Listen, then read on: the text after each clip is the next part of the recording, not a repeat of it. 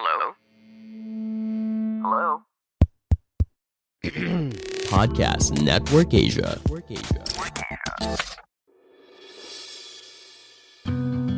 Sekarang Stoikas ID telah didukung oleh Podcast Network Asia. Buat teman-teman yang ingin mempelajari lebih lanjut tentang podcast atau kalian ingin tahu gimana caranya memonetisasi podcast, boleh banget kepoin dan ikutin media sosial Podcast Network Asia atau melalui situs web di podcastnetwork.asia. Dan untuk mempermudah proses monetisasi, daftarkan podcast kalian di podmetrics.co secara gratis.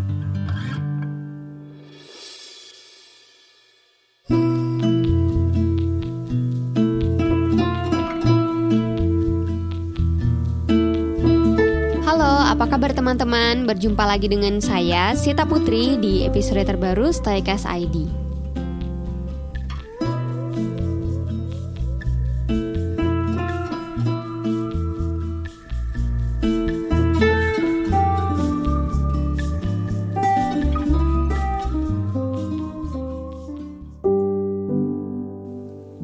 Episode kali ini aku akan mengulas salah satu buku yang cukup membantuku dalam mempraktekkan stoikisme.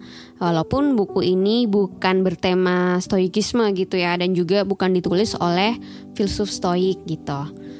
Kenapa buku ini cukup membantuku gitu? Karena apa yang ditulis dalam buku ini tuh ternyata sangat sesuai dengan prinsip-prinsip yang ada dalam stoikisme, seperti contohnya dikotomi kendali dan juga amor fati.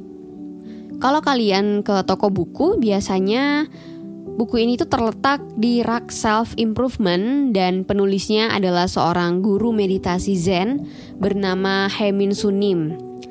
Uh, mungkin beberapa dari kalian udah ada yang tahu atau misalnya kenal gitu ya dengan bukan kenal sih maksudnya udah pernah denger nama si Haimin Sunim ini.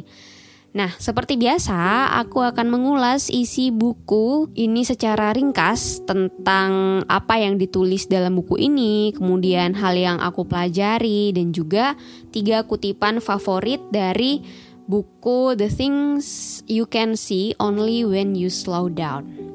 Sebelum aku mulai mengulas buku Haimin Sunim yang aku baca, jika teman-teman merasa podcast ini bermanfaat, jangan lupa kasih rating untuk Stoikas ID ya, agar podcast ini bisa menjangkau lebih banyak pendengar yang ingin mempelajari tentang stoikisme.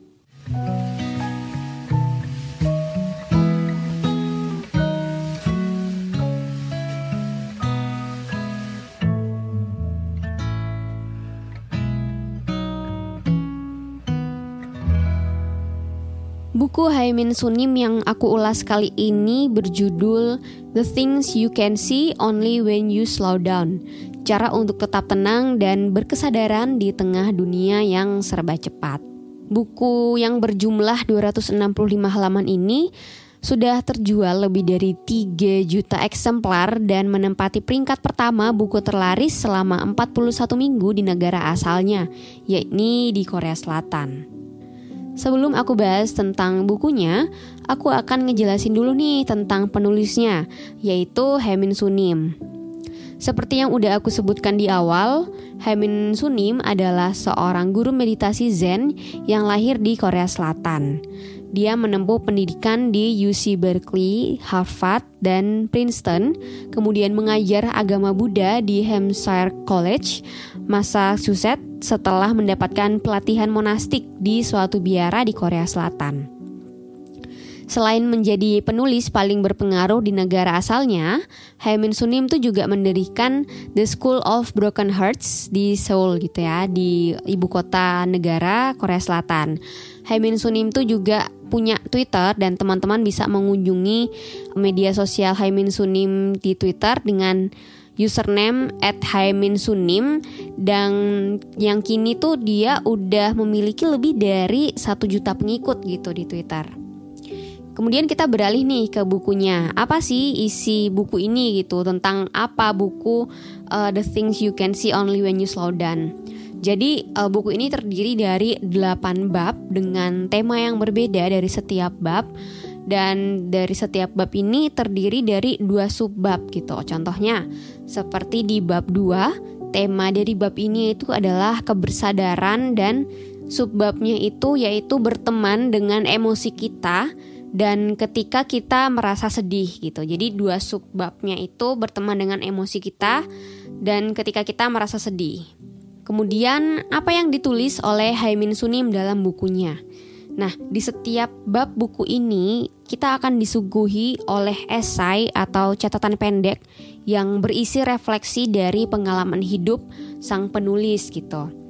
Setelah itu terdapat beberapa pesan singkat yang ditulis untuk menjawab pertanyaan di media sosial miliknya. Biasanya pesan-pesan ini ditujukan untuk menjawab pertanyaan terkait kekhawatiran yang telah menjadi bagian dari kehidupan modern manusia. Nah, kemudian lesson learned-nya apa nih? Apa yang aku pelajari gitu. Jadi ada banyak hal ya teman-teman yang aku pelajari dari buku Things You Can See Only When You Slow Down. Ada tiga hal, tiga poin yang akan aku jelaskan. Yang pertama, yaitu berhati-hati dengan bagaimana kita menginterpretasikan lingkungan sekitar. Dalam stoik, kita belajar kan bahwa segala peristiwa yang terjadi adalah netral gitu dan persepsi kita lah yang memberikan label pada peristiwa tersebut. Nah, hal ini juga berkaitan dengan persepsi kita tentang dunia yang mungkin kita sering menganggap uh, dunia ini tuh sangat sibuk gitu dan seakan dunia berputar sangat cepat gitu. Hari berganti dengan sangat cepat. Tiba-tiba aja udah uh, malam, kemudian eh tiba-tiba udah pagi lagi dan udah berganti hari. Padahal ketika kita merasa dunia ini sibuk sekali, sebenarnya itu adalah interpretasi dari batin kita sendiri nih dalam memandang dunia. Nah, eh, ini yang dijelaskan oleh Haimin Sunim dalam bukunya. Kemudian teman-teman kalau misalnya ingin mendengarkan penjelasan lebih lengkap tentang persepsi, teman-teman bisa mendengarkannya di episode 26 Stoikas ID. Lesson learned yang kedua adalah tidak ada yang abadi di dunia ini, termasuk perasaan kita. Baik itu perasaan positif seperti kebahagiaan maupun perasaan negatif. Nah, perasaan negatif seperti kesedihan itu sebenarnya juga tidak akan menetap lama dalam diri kita. Dalam buku ini juga dituliskan ibarat awan di langit gitu ya. Perasaan itu akan menguap dengan sendirinya. Selalu ingat bahwa kita tuh lebih dari sekadar perasaan yang dibuat oleh pikiran kita dan kita sebagai manusia itu tidak hanya bisa dideskripsikan oleh perasaan itu. Kemudian uh, yang ketiga uh, yang aku pelajari dari buku ini adalah sering kali kita merasa bersalah jika harus beristirahat sejenak di tengah-tengah kegiatan kita. Padahal beristirahat sejenak itu penting gitu. Kalau misalnya kamu sedang merasa bosan, lelah dan merasa kayak aduh aku nyerah aja gitu. Aku di sini cuma pengen bilang it's okay kok nggak apa-apa untuk istirahat sebentar gitu. Kamu itu nggak sedang berlomba dengan orang lain gitu. Ayo istirahat sejenak untuk ya tarik napas dan kalau misalnya kamu ngerasa udah siap, udah cukup istirahatnya, kamu bisa lanjut untuk berjuang lagi gitu. Nah, pembahasan tentang rehat atau beristirahat ini juga bisa teman-teman dengerin lebih banyak di episode 51 ya. Kemudian terakhir nih, tiga kutipan favorit dari buku The Things You Can See Only When You Slow Down. Yang pertama, apabila kita tahu cara untuk merasa cukup, kita akan mengurangi kerja keras kita dan menyambut kedamaian. Apabila kita tahu cara untuk merasa cukup, kita bisa menikmati waktu bersama orang terkasih di sisi kita. Apabila kita tahu cara untuk merasa cukup, kita bisa berdamai dengan masa lalu dan membuang beban hidup kita. Kutipan yang kedua uh, bunyinya seperti ini: Apakah orang yang kita benci layak untuk disimpan dalam hati kita? Simpanlah dalam hati kita orang-orang yang menyayangi kita. Jika kita membawa-bawa orang yang kita benci dalam hati, kita akan merasa cemas dan menderita. Kemudian kutipan yang terakhir yang jadi kutipan favoritku adalah Teman-teman yang saya kasihi, janganlah patah semangat hanya karena kita sedikit tertinggal. Hidup bukanlah suatu perlombaan lari 100 meter melawan orang lain, melainkan maraton seumur hidup melawan diri sendiri. Alih-alih memfokuskan diri untuk menyalip orang lain, lebih baik temukan keunikan kita terlebih dahulu. Kalau teman-teman uh, ingin membaca buku ini atau ingin membeli buku ini, teman-teman bisa didapatkan di toko buku terdekat yang ada di kota kalian atau bisa juga beli di platform e-commerce.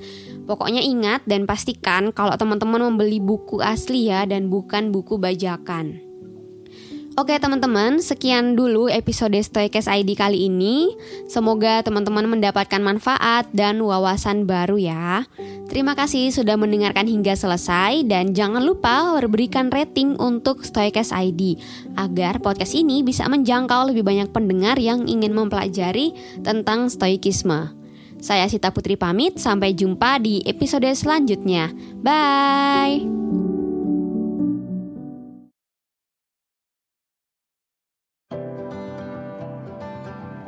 Pandangan dan opini yang disampaikan oleh kreator podcast, host, dan tamu tidak mencerminkan kebijakan resmi dan bagian dari podcast Network Asia. Setiap konten yang disampaikan mereka di dalam podcast adalah opini mereka sendiri dan tidak bermaksud untuk merugikan agama, grup etnik, perkumpulan, organisasi, perusahaan, perorangan, atau siapa pun dan apa pun.